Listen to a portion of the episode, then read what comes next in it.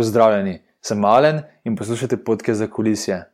V njem skupaj pogledamo v zakulisje nekaterih najbolj znanih in zanimivih slovenskih podjetniških zgodb, z namenom, da se skupaj nekaj naučimo, kar lahko uporabimo na lastnih projektih.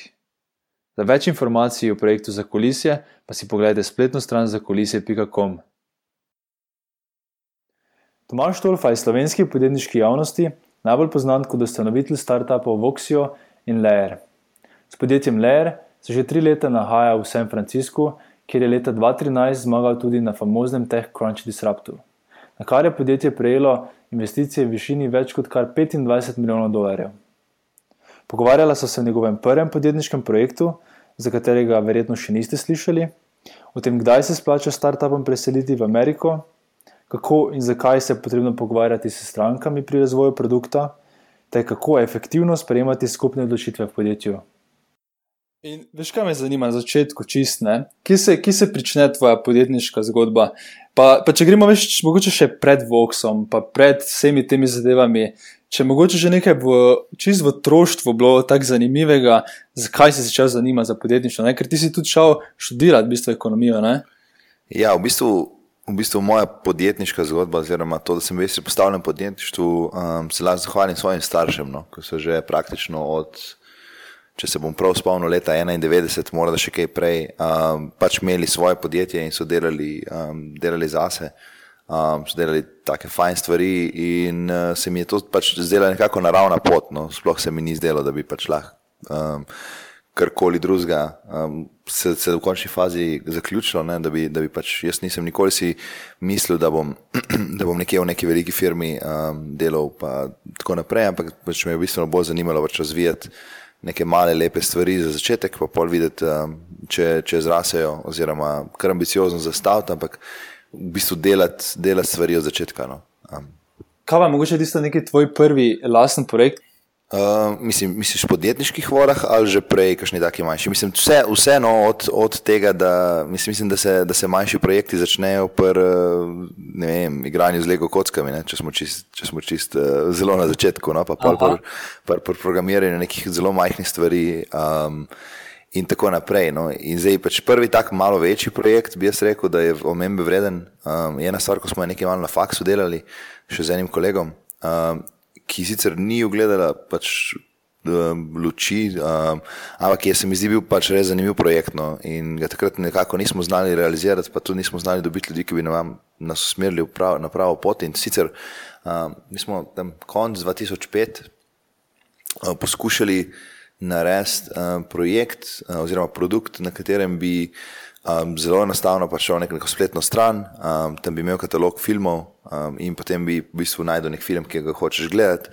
In takrat uh, v Sloveniji si lahko že pač mobilno plačevanje je že, že obstajalo, uh, precej konkretno z moneto uh, preko SMS-a in tako naprej. In ideja je bila ta, da v bistvu lahko za 24 ur odkleneš um, neko, neko vsebino in jo pač pogledaš. Um, in pač par, par stvari se je takrat poklopilo, no, par se jih pa tudi ni. Poklopilo se je to, da je tehnologija končno postala um, dostopna, taka ne, Flash je takrat začel omogočati uh, nek streaming no, oziroma neko predvajanje videa. Uh, stvari, ki se niso poklopile, so bile pa potem to, da takrat bi jaz rekel, da. Da ta, to podjetništvo, sploh spletno podjetništvo, ni bilo nekako tako razvito v Sloveniji, nekako nismo najdli nobenega, ki bi nam lahko uh, pomagal ali pa pokazal pot, ali pa že, že sploh se dobil na sestanku z nami, no, da bi nam da bi nas malo smeril. Um, takrat sem jaz, ko si rekel, pač hodil na ekonomsko fakulteto um, ne, in tudi za tiste ljudi, ki so bili tam na faksu, je bilo pač to, to nekaj čist novega no, um, in ne, ne domačega. Ampak nobenega problema, da smo se naučili, um, potem smo oba šla študirati tujino um, in mislim, da se imamo oba fajn, no, še zdaj ni, ni neke panike, kar se tam tiče. Da smo se naučili. Kje si pa dobil to idejo? Um, mislim, če si iskreno povedano, ne, sej, sej pač tisti, ki bojo poslušali, sigurno vejo, uh, kako se gledajo filmi na računalnikih, uh, pa kakšen je, kakšen je bil proces takrat, no zdaj pač je Netflix um, bistveno olajšal to, ampak če pomisliš 2005, ne, to, to so uporabljali vsi um, razne peer-to-peer servise, no, zato smo dobivali ta kontent, um, ali pa pač si moral iti v knjižnico po DVD, ne, ker tudi ni nek, nek super, um, nek super experience, no. In, in zdelo se nam je, pač, da cel, mislim, celi študentski domovi, no, jaz sem takrat živel v, v študentu, pa ta moj kolega tudi, um, da vsi gledajo pač filme na računalnikih ne, in da pač mora Ja. obstajati nek način za dostavo te vsebine, ki je boljši od tega, da ali moraš to ukrasno. Um, Ja. Ali pa pač moraš iti, uh, moraš iti peš do knjižnice, pa nazaj. Ne? In, um, in mislim, egzekucije nismo, nismo imeli, no? se mi zdi pa, da, da nagruntala, problem, problem so pa nagruntala relativno ok. No? S kom pa si to počel? Uh, ti imaš samo, mislim, tehnološko znanje, da to izvedeš, ali si moral se v bistvu najti nekoga, ko bi ti pomagal pri tem? Mislim, jaz sem, jaz sem malenkost programiral, no, um, dosti časa nazaj, ampak um, to sem delal skupaj z uh, Igorjem Mašero, ki je režiser um, in pač moj dober kolega z Faksa. No. Um, v, bistvu, v bistvu to se takrat pač malo raziskovala, pa malo delala, um, imela sva nek mali prototip um, in v bistvu. No, če povem zdaj še eno tako smešno anekdoto, se je dovolj časa že minilo. No.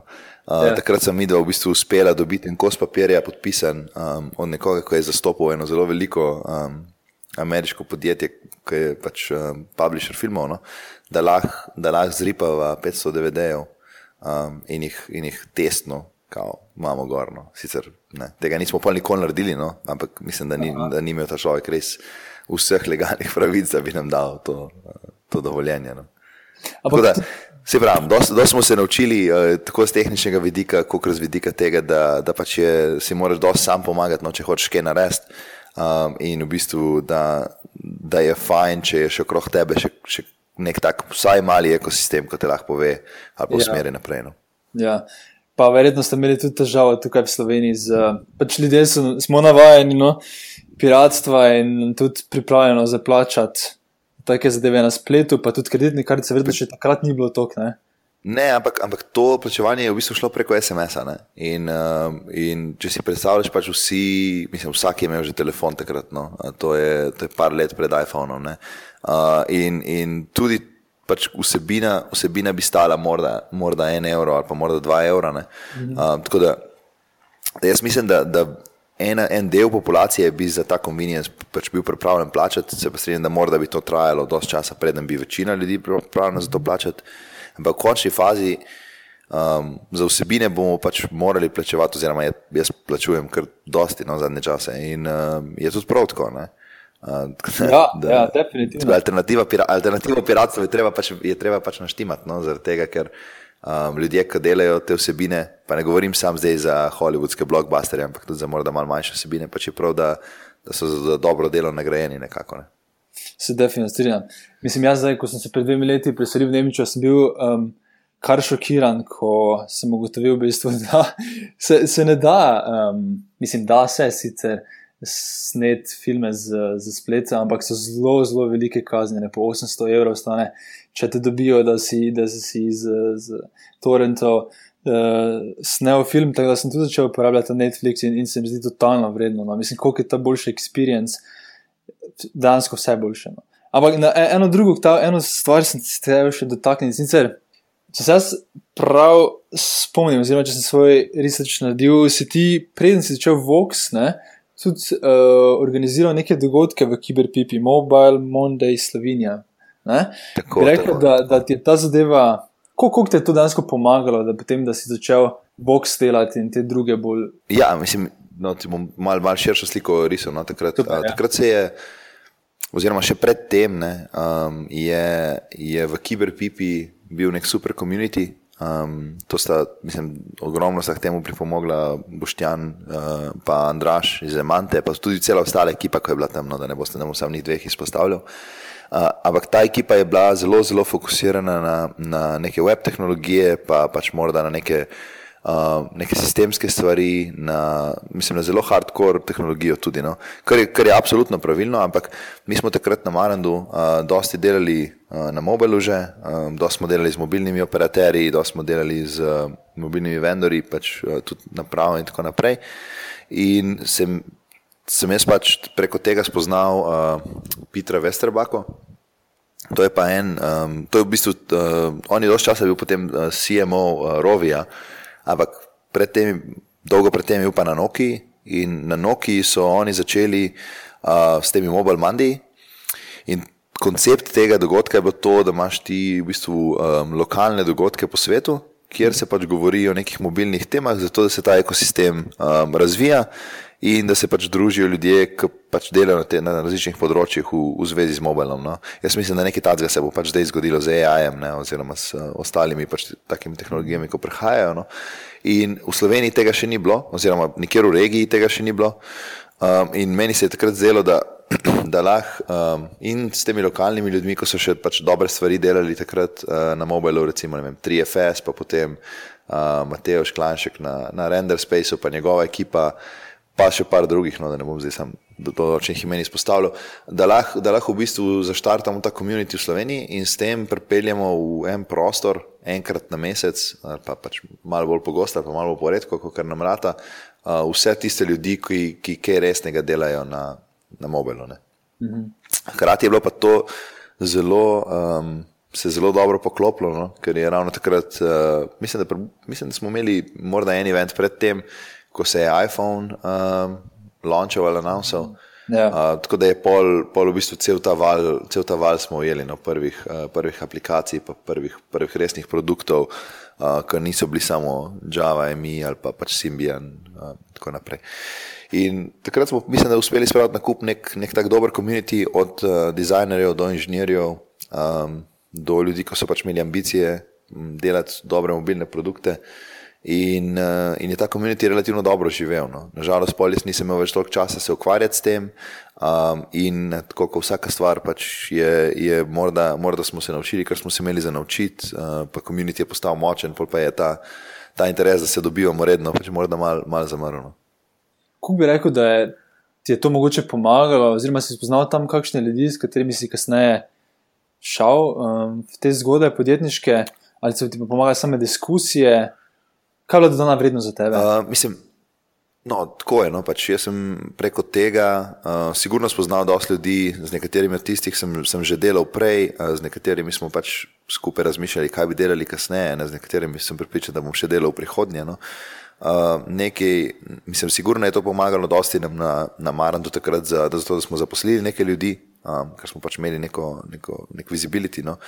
Uh, potem, ko, sem, ko smo pa začeli Voxijo, uh, pa nekako nisem več toliko aktivno delal na Mobile Monday, no, ker mi je Voxio vzel uh, čist preveč časa za to. Za to Ampak ja, gled, mislim, ne samo to, da sem, da sem organiziral, no, predvsem to, da sem uh, potem pač vozil neke spikerje. Uh, Pa v bistvu, pa v bistvu mislim, mislim, da je dosti ljudi tam imelo korist no, od tega, da so se družili z drugimi. In, uh, tega jaz nisem delal zaradi svoje lastne koristi, če tako rečem. Se mi je to zdelo, da je ena taka stvar, ko, uh mhm. -huh. ko jo rabimo.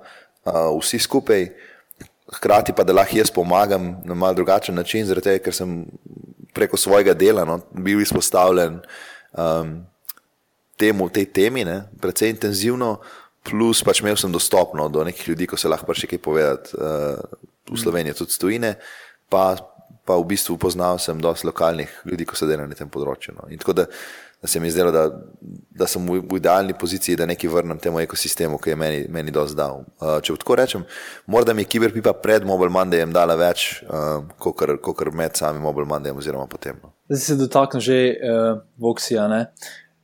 Potem lahko mogoče že začnemo, ker se to tema, kako je v bistvu nastal Voxijo. Ja, um, v bistvu Voxijo je nastal kot, um, v bistvu je nastal kot, uh, kot ena taka To je tak projekt, um, ko smo videli, da bi lahko obstajala ta potreba med tem, med tem ko sem jaz bil še na Marandu, uh, pa, smo delali, pa smo delali v bistvu ene, ene projekte za mobilne operaterje um, in pač malo smo raziskovali, kaj, kaj bo naslednje velike stvari na to temo in uh, takrat je bilo v bistvu, v bistvu precej jasno tono, da, da je morda Skype uh, prejšnja generacija komunikacije in da pač bo naslednja generacija obstajala. Um, in v bistvu z Voxom smo hoteli ujeti ta val. Um, Mobile je bil na močnem usponu, nažalost, mi smo začeli takrat na webu delati najprej, no, kar je bila morda napaka. Um, ampak kristalno jasno nam je bilo, da, da tako kot operaterji dojemajo VoIP, pa tako kot ko Skype, uh, takrat je bil še peer-to-peer, z tehnološkega vidika uh, deluje, pač da, da je dosta stvari na svetu se spremenilo in da, je, da se da narediti boljšo izkušnjo um, da se da narediti pač porabnikom bolj prijazen produkt, ki bo hkrati tudi, tudi zelo močen na mobilu. No. In um, se pravi, naredili smo določene napake v tem, kako, kako smo se ga lotili, ampak mislim, da smo pa spet um, val oziroma idejo, ki se je razvila, potem relativno dobro ujeli. No. No, pa, pa se moče tam kar dotakniti, to si zanimivo, no, za te, teh napak. Torej, kaj, kaj so bile te napake, ki jih zdaj, če bi še enkrat to delal, ne bi, šel, ne bi naredil? Ne? Mislim, čisto iskreno, čist iskreno povedano, recimo, uh, prva taka velika napaka je bila ta, no, da smo mi pač izhajali iz tehnologije, ne, ki, smo jo, ki smo jo takrat imeli, oziroma znanja, ki smo ga takrat imeli, um, in ne, ne nujno iz tega, kar, um, kar se je zdelo, da, da, da bi trg najbolj nujno rabil v točno določenem trenutku. Recimo, čisto konkretno, če povem, no, pač mi smo začeli z, z voice in video klici na webu. Ne, um, Zmeli smo vse znanje, pa, pa so v, kako bi rekel, cel skillset v ekipi, da bi lahko lah na mobilu začeli, uh, pa nismo. Pa če bi verjetno in če bi imeli fokus samo na mobil, bi se, bi se lahko bistveno hitreje premikali um, in bi lahko, bi lahko v bistvu uspešno lovili tiste ostale, ki so takrat začeli. No, recimo, um, WhatsApp in Viber sta začela približno takrat, ko mi. Um, oziroma, mogoče malo prej, no, ampak ni bilo še to, niso imeli še neke blazne rastline. Uh, in hkrati pa, hkrati pa zaradi tega, ker smo začeli na webu, smo imeli in z uh, voicem, pa mobilom, pa ne z messagingom, um, smo imeli pa um, določene druge težave in to je, da so ljudje poprečju uporabljali, so sicer uporabljali produkt, ampak v povprečju morda enkrat, dvakrat na mesec, uh, ne pa dvajsetkrat na dan. Hmm. In um, to je, pa, to je pa blazna razlika, če delaš ti konsumer produkt. No. Praviš, da ste v bistvu tekmovali z WhatsAppom eh, in s temi podobnimi produkti. Um, misliš, da vas je. No, to si jaz domišljam, ne, ne vem, če, ja, ja, ja. Ne vem, če smo res. Um, da, ampak ja, bi rekel, da ja, no, tega, ker, um, ker pač mobilni produkt Voxel je bil. Um, bil zasnovan zelo podobno, kot so pač v končni fazi ti produkti izgledali na koncu. No. In uh, meni, je, meni je žal, da nismo uspeli naslednje iteracije nikoli dati ven, um, ko, smo, ko je bila že skoraj narejena do konca. No, ker, je, ker, ker sem jaz sem osebno kar pogrešal, no, pol, ko, ko, nismo tega, ko nismo več tega delali. Kaj, to je zanimivo, ker govoriš o WhatsAppu, ampak moj, moj edini use case, na kakšen način sem jaz Voxi uporabljal, je, da ko sem šel v tujino, da sem pač napolnil uh, kredite in sem potem domov klical. Medtem ko WhatsApp mi je vedno deloval kot chat.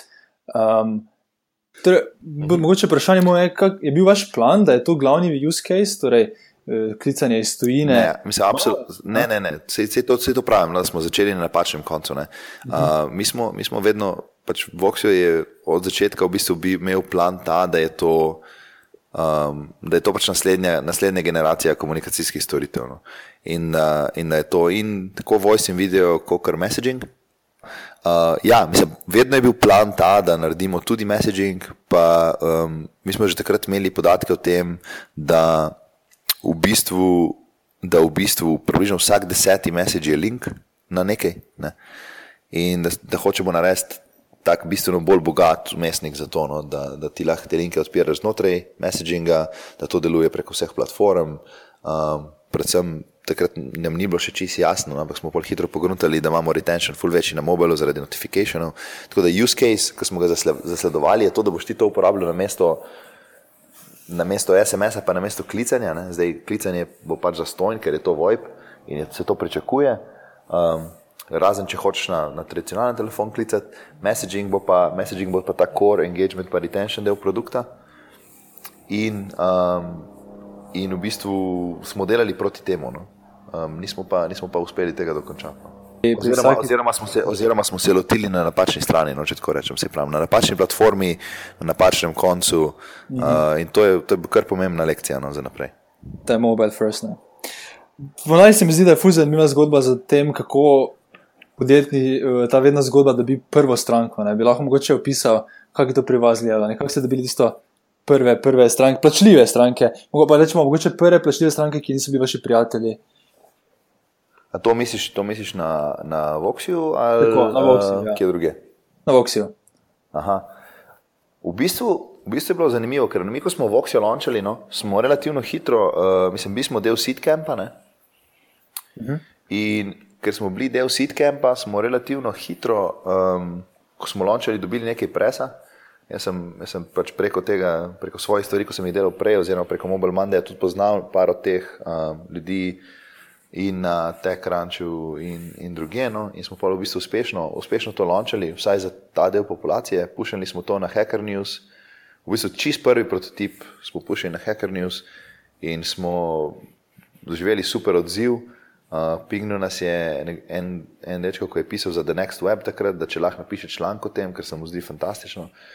In pač pol je napisal članek o tem, in potem smo že zakrto hitro začeli dobivati prve top-upe. No. Um, tako da, da prve stranke smo dobili s tem, po mojem, ko smo dovolj časa investirali v produkt, preden smo ga komu pokazali.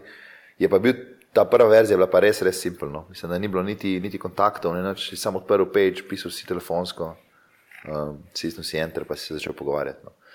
In, ampak je bil, je bil tudi tisti experience, je bil relativno ok.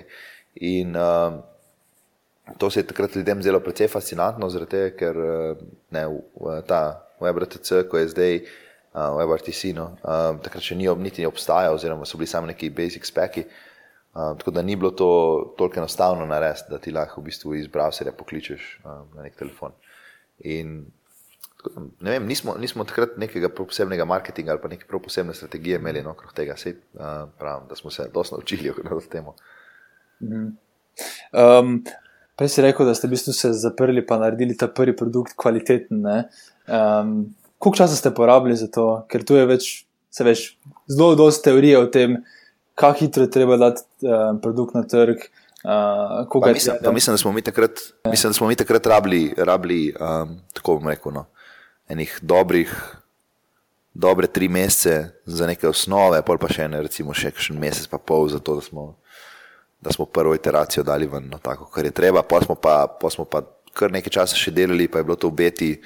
Um, bi rekel, da še nekaj devet mesecev do tega, da smo rekli, da aha, zdaj pa to ni več, ni več beta. No. Kako pa misliš, da je dejansko, zdaj, če bi pač nazaj razmislil, pa iz teh vseh zgodb, ki si jih imel, je nek idealen čas? Ali, mislim, da rečemo, da prije k tebi en. Um, ki, imeti, eh, ki, ki ima neko svojo idejo ne, in pač dela čisto na začetku, koliko časa bi mu, oziroma kakšen svet bi mu dal glede MVP-ja, koliko časa to mora dejansko trajati, oziroma kaj so ti vse aspekti, ki so pomembni pri tistem prvem produktu, oziroma prvem MVP-ju. Ja, ne vem, no, jaz mislim, jaz, jaz sem po svoje zagovornik tega, da, da stvari testiraš hitro, no, s pravimi uporabniki, pa s pravimi strankami, ampak to narediš na način, da ti ne škodi na dolgi rok. No. Um, in recimo, recimo, da pač imaš ozek krok ljudi, ki so zainteresirani, potem z njimi delaš, pa z njimi iteriraš. Um, in ko je to zrelo za širši krok, pač potem narediš naslednji, naslednji val. No. Mhm. Tako pravim, da, da um, sem bolj fan tega, da, da hitro nekako nekaj daš ven, pa iteriraš. Tako da je težko reči, kaj je zdaj pač tisti ultimativni MVP. Um, in tudi, tudi po drugi strani je pa to, no, da, da jaz še nisem nikoli poznam relativno dosti dobrih produktnih ljudi. Še nikoli do menega nisem videl ali pa slišal, da bi v prvem šusu um, zadev to, kar je, to, kar je pač končni produkt. No. Tako da je, da je ja. treba pač paziti, da, da, ne, da se ne zaplezaš toliko, da ti pol škoda vrš kakšno stvar stran. Recimo, to je bila po mojem še ena napaka, ko smo imeli na Voxu, no, mi smo bistveno premalo stvari vrgli stran. Um, ste vi vodili ta startup iz Ljubljane ali ste bili locirani kje drugje? Ja, mislim, mi, smo, mi, smo imeli, mi smo imeli tako zanimivo zgodbo. No. Uh, ja, bili, smo, bili smo bazirani v, Ljubljani, uh, ampak smo potem po leti 2011 v bistvu cela ekipa za tri mesece šli v San Francisco. Um, in je bilo, je bilo kar fajn, da smo naredili, ko smo bili tukaj. Uh, potem smo pa, potem smo pa pač morali poslati večino ekipe nazaj, no, iz, zaradi viz, pa tudi zaradi tega, ker nismo imeli fundinga dovolj, da bi vsi ostali tukaj. Um, potem nas je pa par par nas je potovalo sem še, še parkrat, približno kakšno leto, dve leti zatem. No. Tako da v bistvu glavna pisarna je bila v Ljubljani in vse, vse se, kar se produktnega razvoja tiče, se je vse dogajalo v Ljubljani. Kako danes razmišljaš o tem, um, tej sinergiji, da imaš v Ljubljani? Odlično vprašanje. Uh, mislim, kar se Lerja tiče, pač Ler ima, ima pisarne uh, samo v San Franciscu. Uh mhm. -huh delamo pa z ljudmi, ki so na remote. No, delamo z, imamo človeka v Koloradu, imamo enega v Kentuckyju, uh, uh, dva v Austinu, um, potem par v Evropi, Ne? In tako da delamo z ljudmi, ki so povsod, ampak pisarna, recimo pa produktni razvoj, pa marketing, pa sales, pa customer success je pa pač vse, vse v San Franciscu. Um, smo pa zelo odprti na to, da se pač stvari razvijajo drugje. No. Moje osebno mnenje je tako, da ti ta product discovery um, del, pa recimo prve prototipe, pa te iteracije lahko delaš praktično kjerkoli po svetu. Uh, potem, ko pač hočeš enkrat pa, pa res postaviti biznis okrog tega, pa ga malo skalati, no, je pa bistveno lažje dobiti uh, pravi kader, morda nekje, nekje v takih področjih, kjer so take firme že obstajajo, pa so, pa so ljudje z izkušnjami že tam. Um, zdaj, ne, lahko se lahko predebatiramo, če se da te ljudi dobiti v Slovenijo ali ne, oziroma v neko drugo ja. področje, sigurno se jih da, ampak, ampak pač moraš ujeti nekoga v pravem trenutku v življenju, pa um, mu ponuditi pravi izziv. No? In mislim, da to nekako na, nismo, nismo še tam, no? kar se mene tiče. Pač mislim, da traja, bo trajalo še, še malo časa. Ste imeli kakšne težave z zaposlovanjem um, tujih ljudi na, na rečemo, slovenski startup? Mislim, a na, na Voxju, a na Leer. Da, oboje, mislim, ja, mislim, na, na Voxju ni šans, da bi nekoga tu stojili zaposlili. No? Uh, mislim, oziroma zelo težko. No? Uh -huh. um, preprosto pač ena, nismo imeli, nismo imeli fundinga takega, da bi ga lahko, dva, um, pač nismo imeli trakšena takega, še, da, bi, da bi lahko nekoga dobili. Res, res dobrega. Sej, pač tisti, ki niso, ko niso res dobri, tisti, pač, tistih je dosti. No, in, in bi morda prišli, ampak je bilo v Sloveniji dovolj dobrih ljudi, no, zato ker smo takrat rabili. Um, ampak ne, praktično ne mogoče bi bilo zaposliti nekoga no, takrat. Torej za za, za Ler je pa drugačna zgodba. No. Za Ler smo pa imeli, um, mislim, Ler, kot bi si jaz želel, da bi to morda bila bolj slovenska firma, to je, to je zelo malo slovenska firma. No. Um, pač mi smo imeli pisarno v ja. San Franciscu od samega začetka. Um, pač večina, večina ekipe zdaj je ne slovencev, um, ne, ni, nimamo, nimamo neke pisarne v Sloveniji in tako naprej. No, glavnem, in investitorje, ki smo jih imeli tukaj, so pač bili uh, vsi top veliki investitorji, od uh, recimo SV Angel, je bil pač v vseh naših rundah, potem uh, Jerry Yang je relativno zgodaj investiral, to je, to je founder Yahooja. Um, in tako naprej, no, tako zvene, bolj zveneča imena, recimo, če temu tako rečem, oziroma poznana imena, vsaj na tem področju. Mm -hmm in, in s tem potem se da pretegniti um, dober kader um, ne, in, v bistvu, in v bistvu zgraditi neko ekipo, ki lahko stvari dela naprej. No. Ni, pa, ni pa za podcenjevati znanje, ko ga imajo, uh, oziroma ga imamo slovenci. No. Mislim, mi imamo v ekipi kar nekaj jih še in, in se vsi absolutno parirajo tem, ki, ki, ki niso slovenci. Je pa tako, da, da izkušenj pa morda nimamo še toliko. No. Ne, da, se, da se pač še malo učimo in da, da ko, ko bo par uh, generacij, recimo teh, uh, teh podjetij, no, šlo čez, pa bo par ljudi, um, recimo se vrnilo v Slovenijo, ko je kaj pametnega naredilo v tujini, pa se je naučilo, pol, pol, bo pa, pol bo pa drugače, no, pol bo pa lažje pripeljati tudi, tudi tujce uh, v Slovenijo. Po bi v bistvu rekel, da nek, za začetek za MVP je s talentom Sloveniji definitivno možno dosti narediti, ampak za tisto Če globalno zgodbo uporabiš tudi neki experience, verjetno. Ne? Tako, tako. tako. No, in, in čisto iskreno povedano, se mi zdi, da je, da je pametno, da s talentom v Sloveniji delaš MVP, zaradi tega, ker, ker uh, to stane bistveno manj. Ja. In potem lahko prideš bistveno dlje. No. Je pa tudi res to, no, da, da, je, da, je pomembno, um, da je pomembno se dosti pogovarjati. In se mi zdi, da ena od stvari, ko, ko jih podjetja v Sloveniji, ne vem, če dovolj dosti delajo. No, vse iskreno povedano, pač mi tega nismo dovolj do, dobro delali, je to, da se dovolj pogovarjajo z uporabniki, uh, pa da pač imajo to kulturo učenja, no, če tako rečem, na mesto kulturo uh, tega, da, da founder pač ve, ima vse odgovore in tako naprej. Pa jaz sem prvi, prvi ko se lahko sam sebe uh, obtožim tega. No. Ja. Um, Ampak recimo, recimo to, to je ena taka stvar, no, ko, ko se mi zdi, da, da je res pomembna, pa bi se res lahko delal na tem. Um, se mi zdi, da je Mateoš, recimo petek, um, je, je, ima to kulturo učenja in, in pač, ne, sicer ima vizijo, kaj hoče narediti, ampak se ogromno pogovarja no, in uh, ogromno uči in hitro, in hitro iterira. To, to se mi zdi, da je taka prava pot. No. O tem bi te malo, torej, tu bi te ostalo, pa bi prosil, če malo razložiš to kulturo učenja. Ker jaz sem nekje slišal, da ti preden ste dali ven prvi uh, layer produkt, da si se s tisoč developerji pogovarjal predtem. Pa če lahko mogoče poveš zgodbo za tem, ampak mogoče še predtem samo na kratko razložiš, kaj sploh Layer je v smislu produkta. No, tok, bo, ja, ja, absolutno. absolutno, absolutno.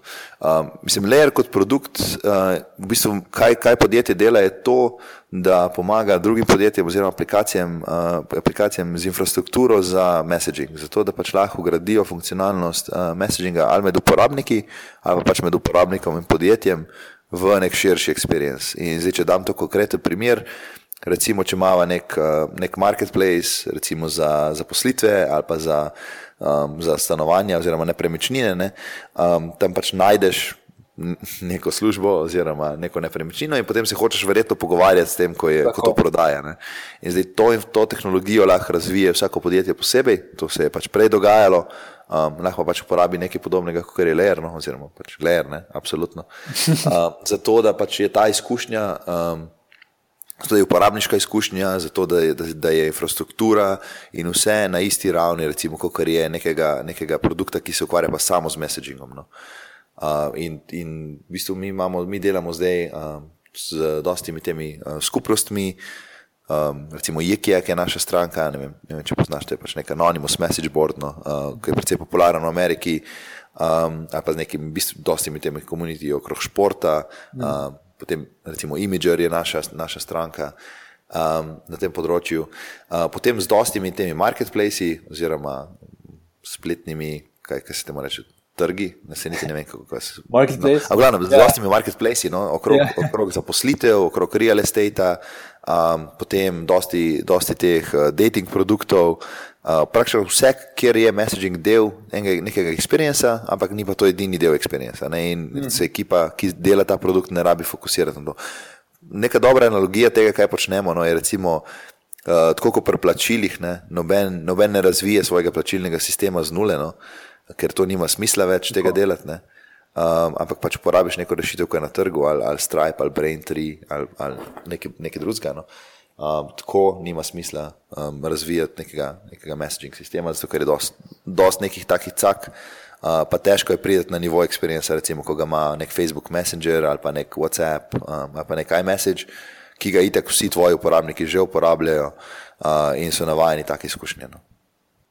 In zdaj drugi del vprašanja, kultura učenja. Um, ja, ko smo začeli de delati ler, smo vedeli, da bomo nekaj delali na področju komunikacij, um, ker je bil to moj background, pa, um, pa background mojega co-founderja, uh, ampak nismo pa točno vedeli, kaj bo produktno. Um, ne, ker vedeli smo, da, da je točno to, da se bo zgodilo, da pač bojo, bojo tisti, ki ugrajujejo ne, nek, neko tako funkcionalnost, um, morali slediti. Uh, tistim produktom, ki jih, ki jih njihove stranke dejansko uporabljajo na dnevni ravni in so specializirani za to. Uh, Ne, nismo pa vedeli točno, kako bo ta rešitev izgledala, če tako rečem. No, prva, prva iteracija ne, tega, kar smo pač poskušali narediti z Lerjem, je bilo to, da smo poskušali narediti uh, kot nek bridge med obstoječimi messaging rešitvami. Se pravi, recimo med Skypeom in Facebook Messengerjem ali pa med Skypeom in uh, Google Talkom.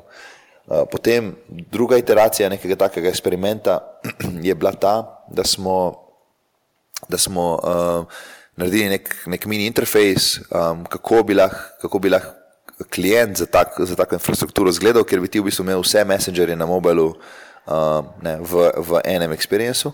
Mhm. -huh. In, in pač ti smo, smo precej daleč, no, in smo imeli kar, mislim, da kar en par takih lepih rešitev, ki. Um, ki, v bistvu, ki so v bistvu kazali neko, neko pot naprej, ampak nismo bili čisto zadovoljni s tem. Hkrati smo se pa dosti pogovarjali no, z, z developerji, um, ne, kako bi oni uporabljali, pač, če bi mi imeli tako stvar. In vsi so nam praktično rekli, da ja, sej, to je super, ne, da lahko pač imamo neke fallback kanale na te zunanje sisteme, ampak v resnici ne, uh mhm. -huh. naš problem je ta, da, da že tega svojega messaging sistema pač ne moremo vzdrževati, oziroma imamo pet ljudi, ko to dela in to nekako nima smisla. No. In Polno je bilo jasno, da aha, in mm -hmm. tako nekako, no, oni so nas poskušali potem najeti za to, da bi jim pomagali neko svetovanje. Um, valjda nismo bili zainteresirani za to in smo rekli, ok, ni problema, lahko svetovali ne bomo sicer, ampak lahko produkt naredimo, ko, ko bo vsakemu od teh uh, pomagal dejansko, mm -hmm. uh, dejansko boljši experience med. No. In potem smo začeli delati na tem, uh, in smo prvi prototip, tako bolj resen, uh, naredili nekje do, do Disrupta v San Franciscu, Uh, potem smo to tam predstavili in najavili, da bomo pač imeli nek beta program. Takrat smo potem dobili, mislim, da 3000, uh, 3000 developerjev se je prijavilo v enem dnevu, no? pa potem nekih 10 tisoč do v, naslednjih par mesecih. In potem izmed teh smo zbrali 30, s katerimi smo zelo tesno delali uh, in razvijali platformo.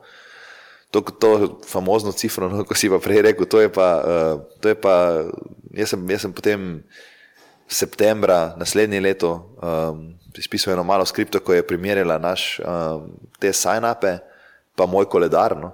Ja. In, in je bilo približno tisoč, tisoč klicev, sem imel v enem letu um, z ljudmi, ko so pač se, se prijavili za to, da bi, um, da bi bili v beta testu. In smo se pač z njimi pogovarjali, in uh, v bistvu, mislim, jaz sem, no, meni, meni, meni je bil ta produktni razvoj v bistvu najbližje no, od, od vsega, pa zdaj se mi je ključno, da takrat um, res dosti investiramo v to, da razumemo, kaj hočejo ljudje početi s tem. Uh, pa hkrati, kaj, kaj česa, česa še ne vejo, pa mi vemo, da bojo lahko počeli. No. Um, bom, pa, bom pa še malo razdelil to. No. Um, In, in v bistvu ti pogovori so bili zelo koristni, zaradi tega, da, ena, da smo pač vedeli, da smo na pravi poti, čeprav nismo še imeli uh, produkta na, na trgu, na splošno, no, če tako rečem, uh, pa če nismo imeli še plačljivih strank. Druga stvar je pa ta, da smo pač lahko uh, lah pač relativno hitro, medtem ko smo delali, uh, prioritizirali stvari, ki so bile najbolj pomembne, nad tistimi, ki so bile pač malo manj pomembne. In, ja. no, in recimo. Par stvari, ko smo jih vedeli, ko smo jih vedeli, preden smo začeli delati uh, za res, je bilo to, da pač ne. Mobile je platforma prihodnosti in moramo najprej za mobile narediti. Uh, recimo, to je bila ena stvar, ko smo se naučili že, že pri prejšnjem projektu. Uh, druga stvar, ko je bila, je ta, da pač morajo biti stvari sinhronizirane preko več naprav, ker pač imajo ljudje več kot eno napravo. Uh, je to kristalno jasno, je to relativno velik tehničen problem, to dobro narediti. Potem Uh, tretja stvar je bila ta, uh, da mora podpirati uh, platforma ne samo teksta, pa ne samo slik, ampak kakršen koli medij, ne, se pravi video ali pa, ali pa karkoli si ta razvijalec zamisli, no, da bi rad poslal med tema dvema napravama. Um, in tako naprej. No. Tako da smo imeli neke take, neke take osnovne gradnike, ko smo jih mi kot ekipa pač na začetku raziskali, ampak potem kako pa to zapakirati, pa kako to predstaviti trgu, in tako naprej, smo se pa potem dosti pogovarjali. No? In uh, res tisto prvo leto smo imeli res to, to kar ugrajeno, to, da smo se pogovarjali z večjimi strankami, hkrati pa smo se učili tudi prodajati no? um, preko tega. Ne, ne samo sam to, da smo se učili, pač, kaj ljudje si želijo, pa kaj bi s tem delali, ampak tudi. Tudi katere, kateri načini opisovanja tega, kaj počnemo, pa kaj bojo benefiti tega, um, to, to je vse pašalo v to učenje. No. Prej si omenil, da par stvari ti v bistvu stranka pove, kaj želi, ne? par stvari pa ste vi vedeli, da bi se tudi če ne oni ne menjajo, da rabijo. V bistvu, kako to sploh? To, to je kar triki stvar, ne? Torej, da v bistvu moraš, čeprav ti neka stranka ne pove, moraš še par stvari ti. Skoraj da za njega vede, to pa je vseeno boljše za tebe. Ne? Ja, ne, mislim, mi, smo, mi smo bili, mislim, oziroma smo še vedno no, um, v tem področju. Mislim da, mislim, da smo to toliko globoko v domeni. Uh mhm. -huh da razumemo, kam se razvija, preden to postane uh, neko splošno znanje. No, rečem, je to tudi ena taka kvaliteta, ko jo, ko jo Leer kot firma pač prenaša na trg, je to, da ti omogoči takoj praktično vse, kar je, vse, kar je standard danes, ne, pa še več. Um, zdaj, če dam en primer, no, kot sem rekel, pač ne, mi omogočamo pošiljanje kakršnega koli uh, tipa um, sporočila. In ne samo standardnih formatov, ampak lahko si izmisliš svoj format, pa potem v bistvu narediš svojo kartico za ta format, in je cel produkt narejen okrog tega. In zdaj, recimo, mi delamo z, z Nordstromom, oni, oni imajo praktično za vsak izdelek, uh, ti lahko tvoj osebni uh, svetovalec za stil pošlje v bistvu uh, kartico za. za Tisto specifično obleko ali pa za tisti specifičen artikel. Ne? In to je pač precej drugače od, od enega podjetja, ko, um, ko recimo je nek job marketplace. Ne. Ampak produkt smo pa naredili na tak način, mhm. -huh. da, da ga lahko ti, ti sam, uh, če te mu rečem, razširiš. Mhm. In mi se s tem tudi učimo in potem prenašamo te dobre prakse uh, nazaj v produkt, tako da vsak lahko uh, to koristi. No. Tako da tak, Da, mislim, da imamo tak, tako dobro filozofijo, kar se tega tiče. Zdi se stvari, ko smo jih pa vedeli, pa nas niso ljudje še spraševali za njih, to je bilo pa čist, uh, jaz bi rekel, globina v domeni, pa vedeti, kaj je mogoče z infrastrukturo, ko, enkrat, uh, ko si enkrat rešil osnovno infrastrukturo in se lahko fokusiraš na experience. No. Mislim, da največ stvari je bilo okrog tega. Kako pa je pri tebi izgledal en tak um, pogovor z developerjem? Od tega, mogoče, kako sploh najdeš te ljudi, do tega, um, kako poteka pogovor, pa potem do tega, kako ugotoviti, kaj je bilo res pomembno v tem pogovoru, veš, torej sinteza.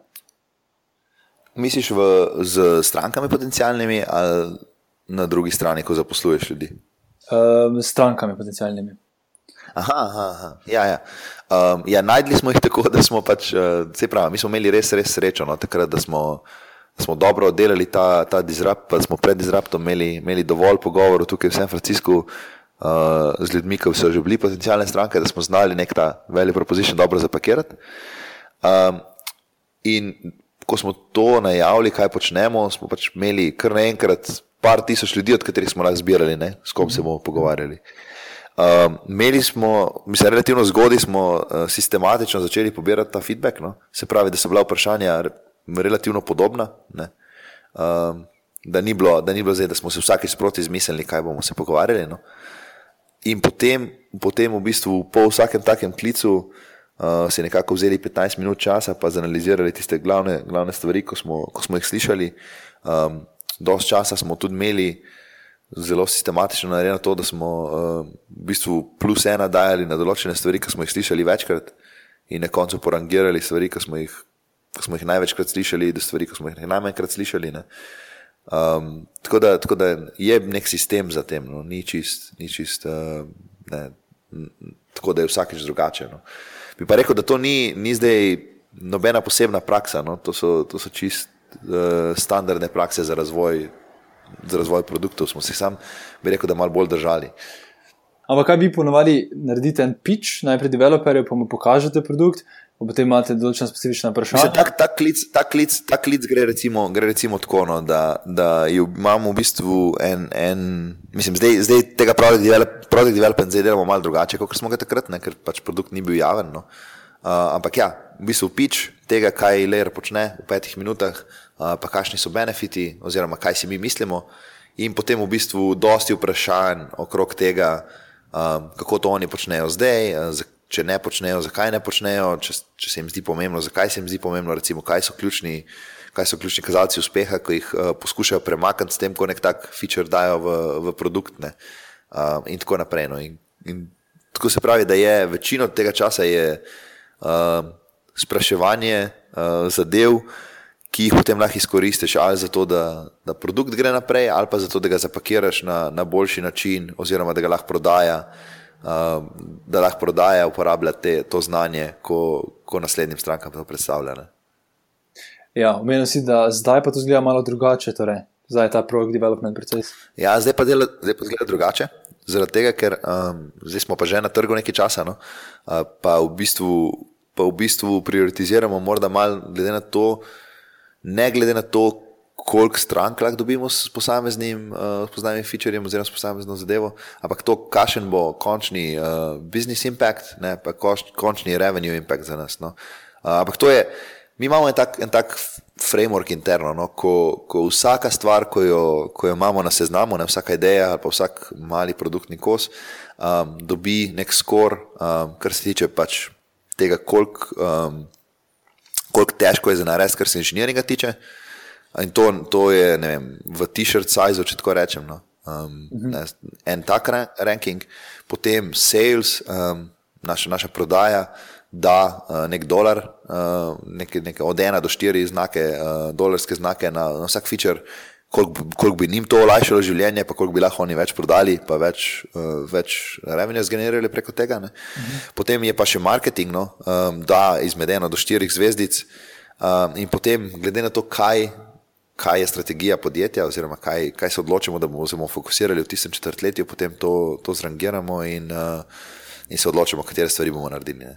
Um, se pa trudimo, da, da ne preveč, uh, ena, da ne preveč stvari damo na pladen, in dva, um, in dva, da ne preveč pogosto zamenjamo tega vrstnega reda.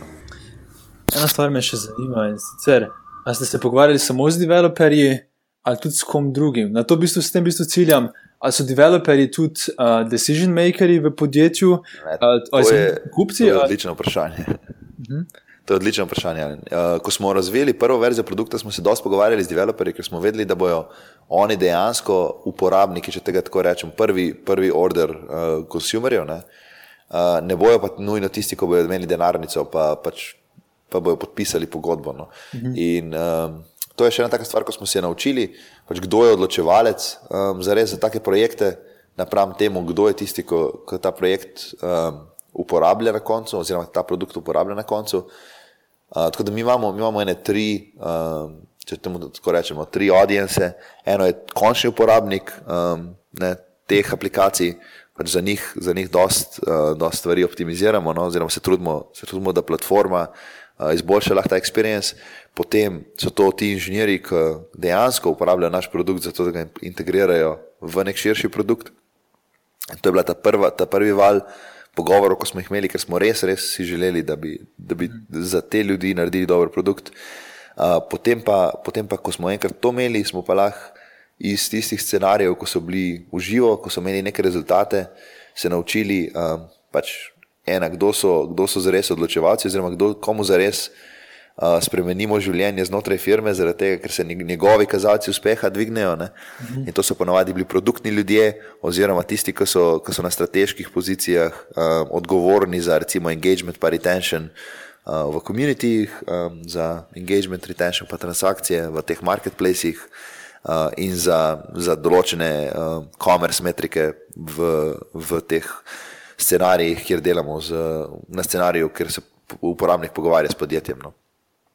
Tako da, da se spremenja, da so se, mislim, ne da se spremenja, ampak imamo več, um, več kot enega, uh, več kot en, več kot en audience v, v potencijalnih strankah, pa za vse, za vse moramo pripraviti pač primerno zgodbo in z vsakim nekako delamo ta pravi Discovery, če tako rečem, no, oziroma Discovery, kaj je njim pomembno, pa kako lahko zapakiramo to, pa kaj moramo narediti, uh, da, da je le kot taka celota uh, koristna na vseh področjih. Ne.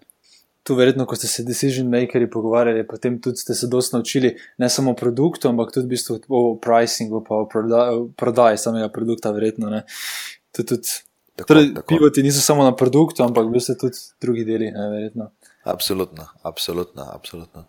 Uh, mislim, tukaj, tukaj, bom, tukaj bom mogel pač nekaj stvari zadržati no, za, za nas, ampak lahko lah ti pa povem uh, pač konceptualno, oziroma ne, z, uh, z vidika tega, teh audiensov, kar smo se naučili, je to, no, da ta inženirski del uh, noče plačati za nič, pa verjame, da lahko vse, naredi- vsak, vsaka ekipa naredi vse sama. Ne. Uh, kar je fair, no, kar je fair, pač sigurno lahko, če ima dovolj časa, pa, um, pa dovolj, dovolj resursov. Um, No, ampak tisti, ki pa res cenijo, no, recimo, um, Lair, oziroma komu daje Lair največji value proposition, so pa recimo produktni ljudje, ki vidijo, kaj vse bi lahko na experience naredili, če se jim ne bi bilo treba ukvarjati z infrastrukturo. Uh -huh. uh, to in, in ti pač recimo business decision makers, ki pač vidijo rezultate, ki jih imajo naše obstoječe stranke na teh ključnih uh, KPI-jih. In glede na to, da so ti rezultati obstajajo in glede na to, da to odpira neka, neka dodatna vrata, potem to pomeni, da, da vrednost ni samo, uh, če tako rečem, koliko časa pa, uh, pa ur bi, bi inženirska ekipa porabila za to, ne? je vrednost v tem, koliko hitro greš lahko na trg, Ja. koliko uh, hitro lahko potem razvijaš dodaten experience nad tem.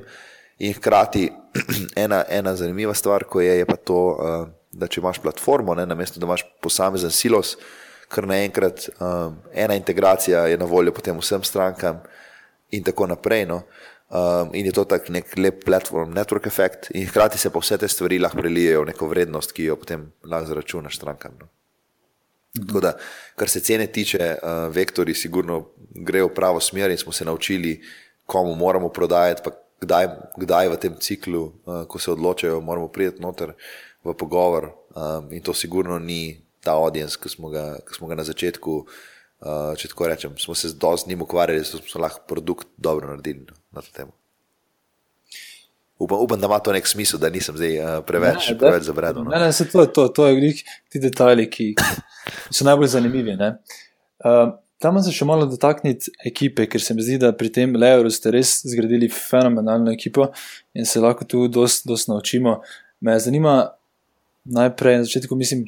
Tako splošno vprašanje bom postavil, pa se kar loti, kakor, kakor ti najbolj paše. Kaj treba najbolj paziti pri uh, sestavi ekipe? Ja, to je odlično vprašanje. No. Jaz mislim, tako, da, da začetna ekipa pač mora imeti ekstremno dobro kemijo um, in v bistvu vsi, vsi morajo biti pripravljeni um, se malo žrtvovati, pa morda ne delati samo tistih stvari, ko, za katere so specializirani. Um, in, in v bistvu pač vsi morajo, morajo en za drugega poskrbeti za to, da so lahko uspešni skupaj. No. To, to pri vsaki velikosti ekipe pač je pomembno. Uh -huh. uh, ampak pri majhni pa, pa sploh. No. Um, ja. To, potem druga stvar je ta, mislim, da mora vsak um, razumeti svojo vlogo, vlogo zelo dobro uh, v, tem, v tem večjem cilju, no, ki se ga zasleduje. Pa mislim, da, da še to, da pač znaš uh, neke zmage skupaj proslavljati, je, je tudi izjemno pomembno no, in da, da se take mije še dodatno pač razvija. Zdaj, ena, ena super knjiga, ki jo lahko priporočam na to temo, uh, se kaže The Advantage. In sicer napisana bolj kao za kako se builda executive time, no, ampak po mojih izkušnjah je praktično vsaka ekipa um, rabi točno tiste komponente, ko so tam notor opisane. To je, da pač imaš neko zaupanje eno drugega, um, s, tem, s tem, da pač najprej zaupanje zgradiš, potem imaš pač lahko um, dobre konflikte no, na to temo. Uh, ne, potem vsi vejo, da če tu če se na čem ne strinjajo, uh, vsak pač poskuša najboljše delati za, to, da, za skupni uspeh. Uh, in potem pa pač, da, da splaniraš dobre rezultate, da jih meriš, uh, in, in da so pač ljudje odgovorni za to, če so rezultati dobri ali pa slabi, in da, da to odgovornost nekako držijo. No. To, sorry, da te prekinem. Um, ja. Tu se zgodi tako na nezanimive situacije. In sicer me zanima, torej ti si CEO, ne? torej nekdo drug podjetju je. Ni, ja, nisem, nisem, nisem. A nisi, nisem. nisi več. Ljubi si, ne? ne? Nisem, nisem. Okay. nisem ja. Um, Torej, poglejmo nazaj, ko si bil CEO, torej, čisto na začetku podjetja. Pa lahko mi potem no, tudi poveš, zakaj več nisi. Ampak, torej, čisto na začetku, ko ste več na začetku, pač full teh vprašanj, ker treba spivotirati skoraj na dnevni, tedenski ravni. Ne? In verjetno imate full drugačne, v tej mali ekipi ste imeli drugačne vidike na to, kam moraš tehnologijo iti in s produktom in z vsem. Uh, to, pf, jaz si predstavljam, da znajo biti kar naporni pogovori, ne? ampak so zelo pomembni. Ne?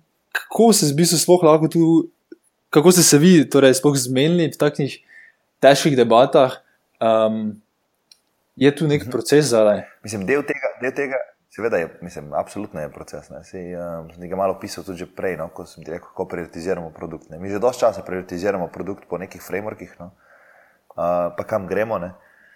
In to predvsem zaradi tega, ker, um, ker pač je treba, mislim, da to emocionalno, pa ego komponento pač malo umakniti. No. Uh, valjda ima vsak, uh, ne, vsak inteligenten človek, ponavadi uh, neko mnenje o tem, kam bi stvari morale iti. Uh, in zdaj, če so ta pač mnenja bistveno različna, in če nisi, če nisi usmerjen v isto smer, pol težko narediš nekaj dobrega. No. In kar se meni zdi, je to, da je pomembno uh, odmakniti nekako to ego komponento no. in, in uh, racionalno pogledati na stvari, ne, pogledati, kaj kaj recimo raziskave pravijo, kaj pogovori s strankami pravijo, kaj te stvari, ko jih, ko jih šteješ tam, pač dejansko za vsak feature uh, pravijo, kaj ti analitika pravi, in potem se na podlagi tega lahko odločiš, kam bo šel. Zdaj, če, če je vizija mal večja, je potem naloga tistega, ki, um, ki vodi, da, da v bistvu to vizijo zastavi na, način, na tak način, da potem lahko ekipa deluje znotraj te vizije in se pač uči in prihaja do dobrih zaključkov, no? brez, da, brez da je nekdo uh, razsvetljen, absolutist ali pa diktator, če tako rečem. No? In ker um, doskrat se zgodi to, no, da, ima, da ima nekdo, ki dela na čist nekem malem delu uh, celega projekta, dosti večji uh, insight, kaj so problemi, ki jih je treba rešiti, kot pač tisti, ki, je, ki vodi, pa je malo bolj oddaljen. No? In treba je vzpostaviti neke vzvode, da, da se ta glas lahko sliši. In da da če je treba, ga lahko sliši cela ekipa. No. Zdaj... Po mojih izkušnjah je to, to da imaš framework, okrog uh mhm. -huh. katerega se vsi strinjajo. Uh mhm. -huh. In potem, in potem, v bistvu, če se ne strinjajo, da spremeniš, mislim, spremeniš framework, no, pa še enkrat zaženeš. Ne? ne pa to, da zdaj za vsako odločitev um, znova no, začneš. Pa, to, pa to potem postanejo neke, neke osebne vojne, če tako rečem. Ne? Hm, ja, ja, ja. Imáš kakšen resurs, mogoče neko knjigo, ker kjer bi se lahko ljudje malo več naučili o tem frameworku, oziroma postavljanju teh frameworkov. Uh, mislim, dosti knjig je. No. Um, pač, kar, se, kar se tega produktnega, produktnega razvoja tiče, um, uh -huh. v bistvu nimam prav nobene take, da bi rekel, da je samo ena knjiga, ki jo treba prebrati. Mislim, da jih kar dosti. No. Um, ne vem, za kar se management tiče, je High Output Management od uh, Grova je super knjiga. Um, je pa, je pa par še par drugih, drugih takih. Ampak se pravi, ti frameworki ne rabijo biti komplicirani. Mhm. Lahko so, lahko so zelo, zelo, zelo enostavni. Lahko je, lahko je to, aha, bomo odpravili vse feature v en seznam, pa bomo poklicali deset strank, pa bomo šli čez seznam feature, pa bomo vprašali, za katero, katero je naslednji ta, ki bi, ki bi plačali 30% več, če bi imeli. In če je cilj podjetja v tistem kvartalu dvigati revenue, oziroma za naprej dvigovati revenue, ne pa recimo delati uh, grozen PR. Uh, potem prioritiziraš, glede na to, kaj bo preneslo največ revenue. No, in tukaj ni zdaj, ali je to Tomaževa ideja, ali je to Tako. nekoga drugega ideja, ampak je pač ne.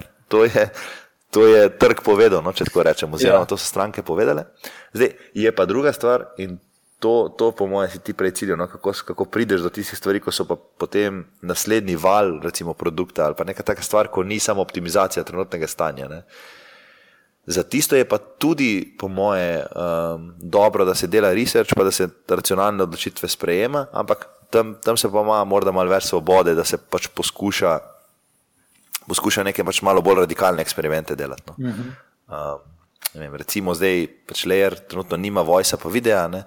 Um, in tudi, tudi ne, ga ne prodajamo, pa tudi ne sprašujemo recimo, ljudi, če bi to teli imeti, ampak če bi, bi morda verjetno morali spet imeti tistih tisoč pogovorov. No?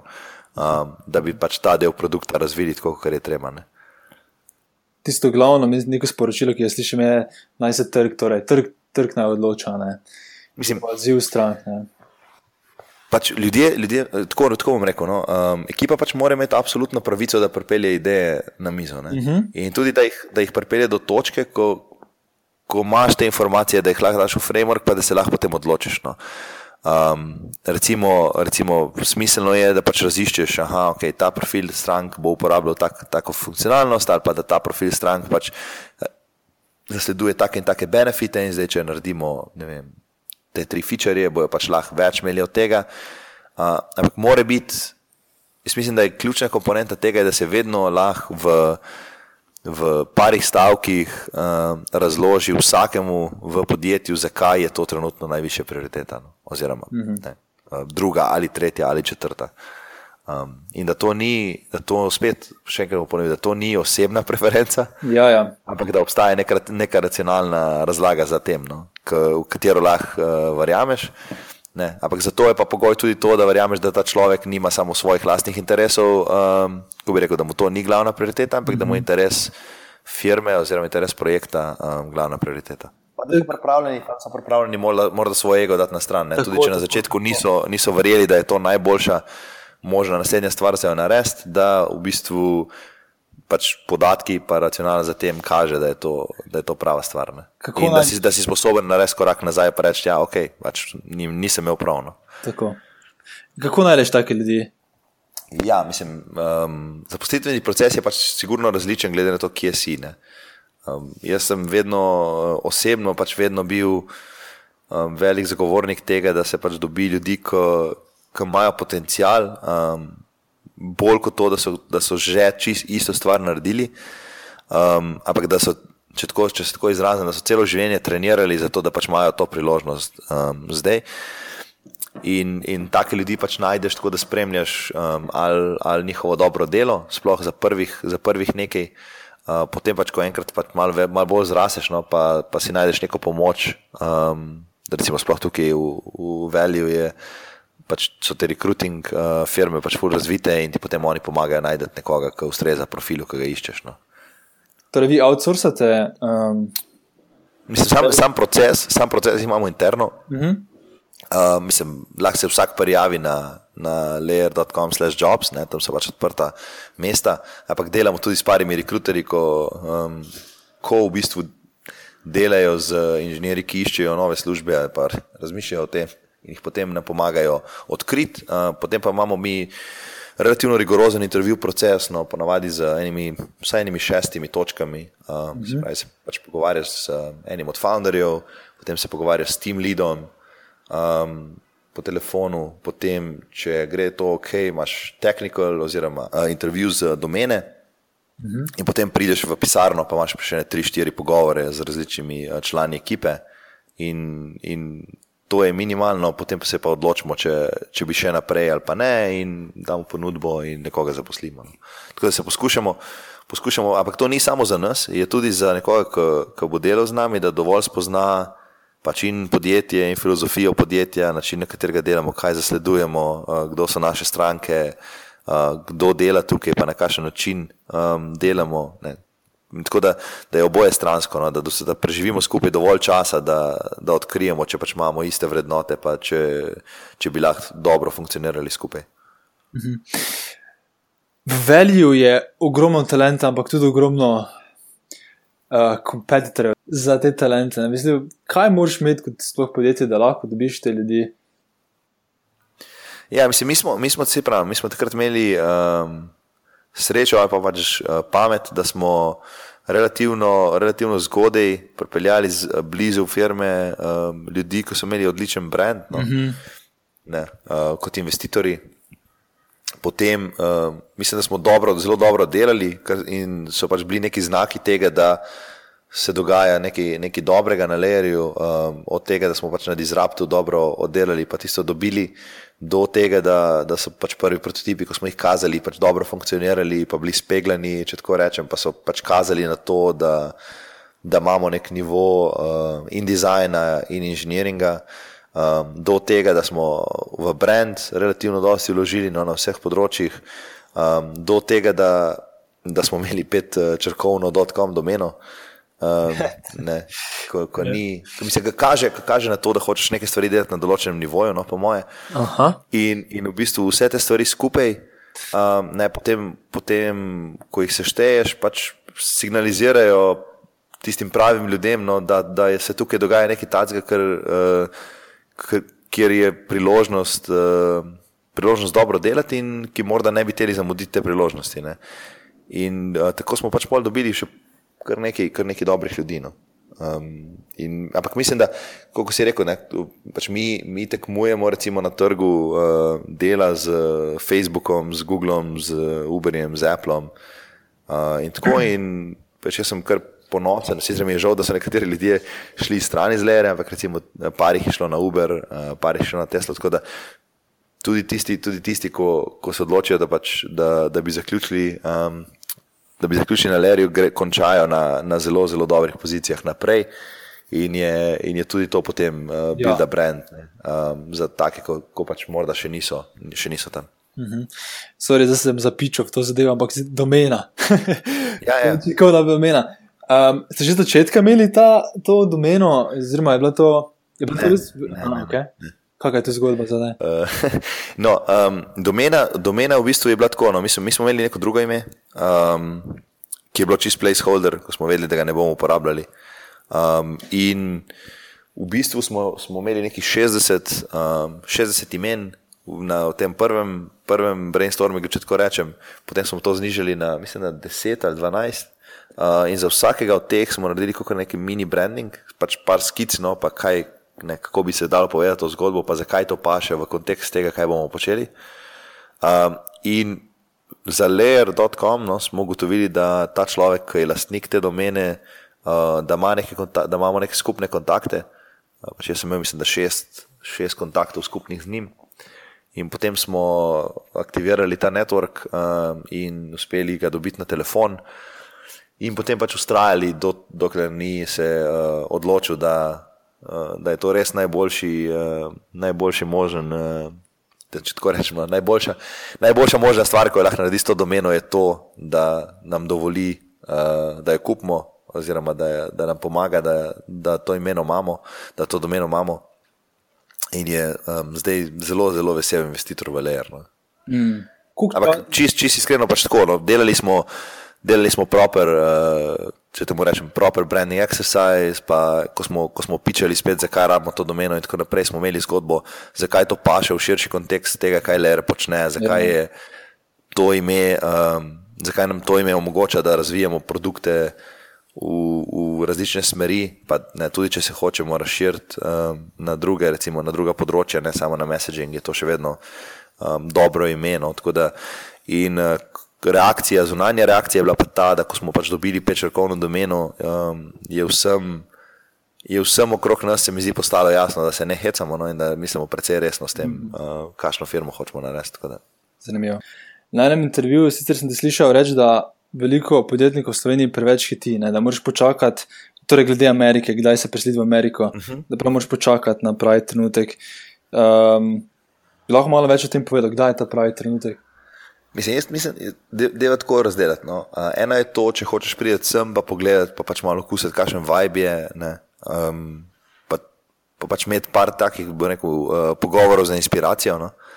To, to lahko vsak naredi relativno hitro. No in, in absolutno ni problema. Um, druga stvar je pa to, zdaj, da če hočeš tukaj ne vem, neke investitorje dobiti, um, oziroma če hočeš tukaj koga zaposliti, preprosto pač. Je to podobno kot v športu. No? Ne moreš ti zdaj iz uh, srednje šolske slovenske lige pač kar iti v NBA. Um, oziroma, zelo redki, no? Lah, če tako rečemo. In večina pač moraš iti skozi neke, skozi neke razvojne točke, kot podjetje in kot posameznik, zato da, da si zrel, da imaš lahko potem te pogovore tukaj, um, ker je drugače pač prepad tega, kaj ti tukaj ljudje govorijo, pa kaj ti slišiš, pač prevelik. No. Um, in tudi koliko resno te bojo imeli, pa tudi kako boš znal oceniti, s kom se sploh pogovarjati, pa s kom se ne pogovarjati. Ker, tako kot si prej rekel, ne, tukaj, je, um, tukaj je ogromna konkurenca in v bistvu bi rekel, da je toliko ljudi, ki se, ki se ukvarja s tehnološkimi podjetji, da je tudi dosti šuma. No? Um, in je zelo enostavno pač priti v krog tega, da se pač pogovarjaš z, z napačnimi ljudmi in s tem zgubljaš čas. In meni se zdi, da pač mladi podjetniki ali pa mlada podjetja je pomembno, da v tej prvi iteraciji se fokusirajo na to, da najdejo, da najdejo ta fit na trgu. Ne? um, da najdejo, da naredijo nek produkt, ko ga nekdo hoče uporabljati. Pa teh 100 klicev ali pa 1000 klicev lahko narediš ti iz Ljubljana, tako kot jih lahko San Francisco, ne samo stanete desetkrat manj. Um, no, čisti iskreno, ne, kaj ja. pač. Pa jih tako lahko nekoga daš na koledar, pa zdaj, okay, če je časovni pas problem, pač ostaneš po konci malo dljeno. Mhm. Um, ampak točem reči, da, da za to ne rabiš fizično biti tukaj. Pač fizično rabiš biti tukaj, ko ali rabiš zaposlovati ljudi, ali pa rabiš res za denar. In če rabiš res za denar, rabiš imeti produkt, pa rabiš imeti rezultate, ker drugače, drugače pač samo zgubljaš in svoj čas, in čas teh ljudi. No. Um, ne, če ima to, če je to smisel, ampak moje, moje mišljenje je, je nekako, nekako tako. No. Da, da prideti sem za inspiracijo, absolutno, um, seliti se sem prehitro, morda ni, ni najbolj pametna poteza. No. Mhm. Um, ene teme še nismo dotaknili, ki se mi zdi zelo zanimiva. In sicer, eh, ko ste šli z Voxa na Leer, ne, ti si v enem trenutku mogel narediti odločitev, da je čas, da se premaknete. Kako vedeti, kdaj je pravi čas? To, to, to pa ni čisto, to pa ni čisto, no. to pa ni čisto, to pa ni čisto. Um, to pa ni čisto. Um, ni, ni bila odločitev, da se premaknemo, in mm. nismo se premaknili kot enota. No. Um, pač to je morda tema, ki jo lahko enkrat drugič razdelamo. Mm -hmm. ampak, um, ampak jaz sem takrat takrat pač v bistvu um, se odločil iz osebnih razlogov, da, da pač ne morem nadaljevati na, na Voxu, tako kot je bilo. Um, in potem, potem je bila neka mala pauza, in potem, ko sem pač spet razmišljal o tem, kaj bi začel delati, um, smo začeli delati na tem. No. Uh, in hkrati je pa se zgodilo tako, da je ekipa, um, da je ekipa potem imela. Oziroma, ne, ne cela ekipa, no, ampak nekateri člani Voxu ekipe so potem tudi bili prosti in smo potem začeli delati spet skupaj. Ampak ni bilo to, Uh, ko bi rekel, ni bila, to, ni bila to ena na ena tranzicija, niti, nima, niti ni ja. uh, layer, recimo Legacy Voxia, razen tega, pa absolutno ni nobene kode ali karkoli. No. Ne, ne, um, to, v bistvu, ne, ne, ne, sam, sam to povem, no, mislim, ja. čist druga tehnologija, pa čist drugi pristop. Um, stvari, ko pa absolutno smo jih, sem jih jaz, pa pač ostali člani, ko, ko so bili del te zgodbe, dobili, je pa to, da smo se pač res dosti naučili. No, in, um, se, v bistvu, in, ja. Sorry, da te motim, ampak uh, mogoče sem na robe začel, je vprašanje. Ampak kaj sem mislil, te vprašati je, kdaj je pametno vztrajati pri eni ideji, kdaj, če imaš mogoče nek na svet, kdaj pa je treba odnehati. Ker veliko slišiš teh zgodb, ne, ja, tudi če dobiš sto, ne, jo še vedno naprej idi. Po drugi strani pa moraš nekje vedeti, da je vseeno čas, da se premakneš. Ne? Ma tako, no, pač nam se mi zdi, da, so, da, je, da, je, um, da so nam metrike kar kazale, da smo zamudili. No. Um, in, in v bistvu, kar smo mi imeli tam, je bilo to, da smo imeli tehničnega znanja ogromno, da smo imeli domenskega znanja ogromno, ampak da smo pregloboko zapredli uh, v napačen produkt. Če tako rečem, če bi imeli, ne vem, mm -hmm. se bom zdaj izmislil, ne, 2 milijona dolarjev na banki, mislim, da bi, mislim, da bi lahko ustrajali brez problema. Ne. Uh, ampak jih nismo imeli, no, preprosto. In, in je bilo tako, da, da, smo pač, da smo pač prišli do neke točke, ko, ko ni imelo več smisla v, v to smer iti so še ne, neke druge stvari okrog tega bile, ampak o tem, o tem morda kdaj drugično.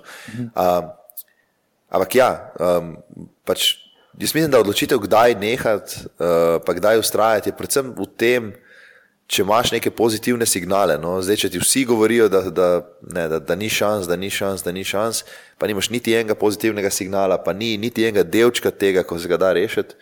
Uh, potem morda, morda se splača pač se malo odmakniti, no, pa, pa razmisliti. Mm. Ne vem, če ima to smisel. No? Um, ampak, recimo, bom, bom dal primer. Um, eno francosko podjetje, ko je, um, ko ga verjetno noben še ne pozna, uh, kliče se Zenli. Oni so pet let stara firma uh, iz Pariza in so pred kratkim dobili 22 milijonov investicije od Benchmarka, to je firma, ki je investirala v Twitter, pa v Instagram, uh, pa v Snapchat. In, ampak to še le po petih letih uh, garanja. Ampak njihova glavna tema je bila ta, da so oni delali uh, location-based um, tracking, če tako rečem, um, ljudi, ko so tvoji kolegi oziroma del tvoje družine in so pač videli v svojih metrikah, da določeni deli tega produkta imajo neverjetne metrike, ostali deli produkta pa nimajo, pa imajo zelo slabe metrike. No? In so mm -hmm. potem iterirali okrog tega dovolj dolgo, da so prišli, da so prišli do tega jedra. Mm -hmm. In zdaj, oni so sigurno slišali tisočkrat ne uh, in to z razlogom, ampak imeli so pa en mali del, neko malo jedro, ko je, ko je pa, pa funkcioniralo in so pač ustrajali na tem jedru. No, in so se so dejansko, zdaj gremo spet nazaj na tisto učenje. Ne, um, so zgradili ekipo, ko je, ko se je naučila se učiti. Okrog stvari, ko delajo dobro, in, uh, in hitro pozabiti stvari, oziroma hitro dati na stran stvari, ko ne delajo dobro. No. Tomaš, najlepša ti hvala za svoj čas. Ja. To je bilo res, res, res super. Um, mogoče, če želiš samo še povedati, kje te poslušalci lahko najdejo na spletu, oziroma um, ja, povezava do tvojega bloga. Ja, ja. ja se um, no, mo mogo še kaj objaviti na blogu spet. Uh, zadnji čas pišem bolj na mediumu. Uh, ampak ja, moj Twitter je um, at Tomas Stolfa, uh, mail je um, layer mail je tomas at uh, layer.com, drugače pa tomas.stolfa at gmail. Uh, poskušam odgovoriti vsem.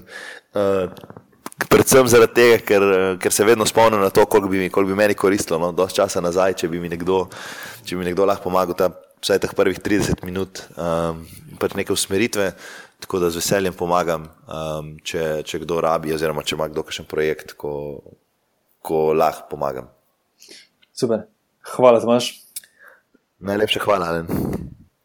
Hvala vsem, ki ste poslušali do konca. Trenutno smo še čisto na začetku s tem projektom, zato bom full vesel vsakršnega feedbacka. Teda, če imate kakršne koli komentarje, predloge glede izboljšav, predloge glede gostov, ali pa kaj vam je bilo všeč bom zelo vesel, če mi pišete na alenfalic.afna.gmail.com. Če vam je ta epizoda podcasta oziroma ideja podcasta na splošno všeč, vas prosim, da pustite vaš komentar in oceno kar v iTunesu, ker to potem ful pomaga, da še drugi, ko iščejo, lažje najdejo, ker nas potem iTunes lepše oziroma boljše rangira.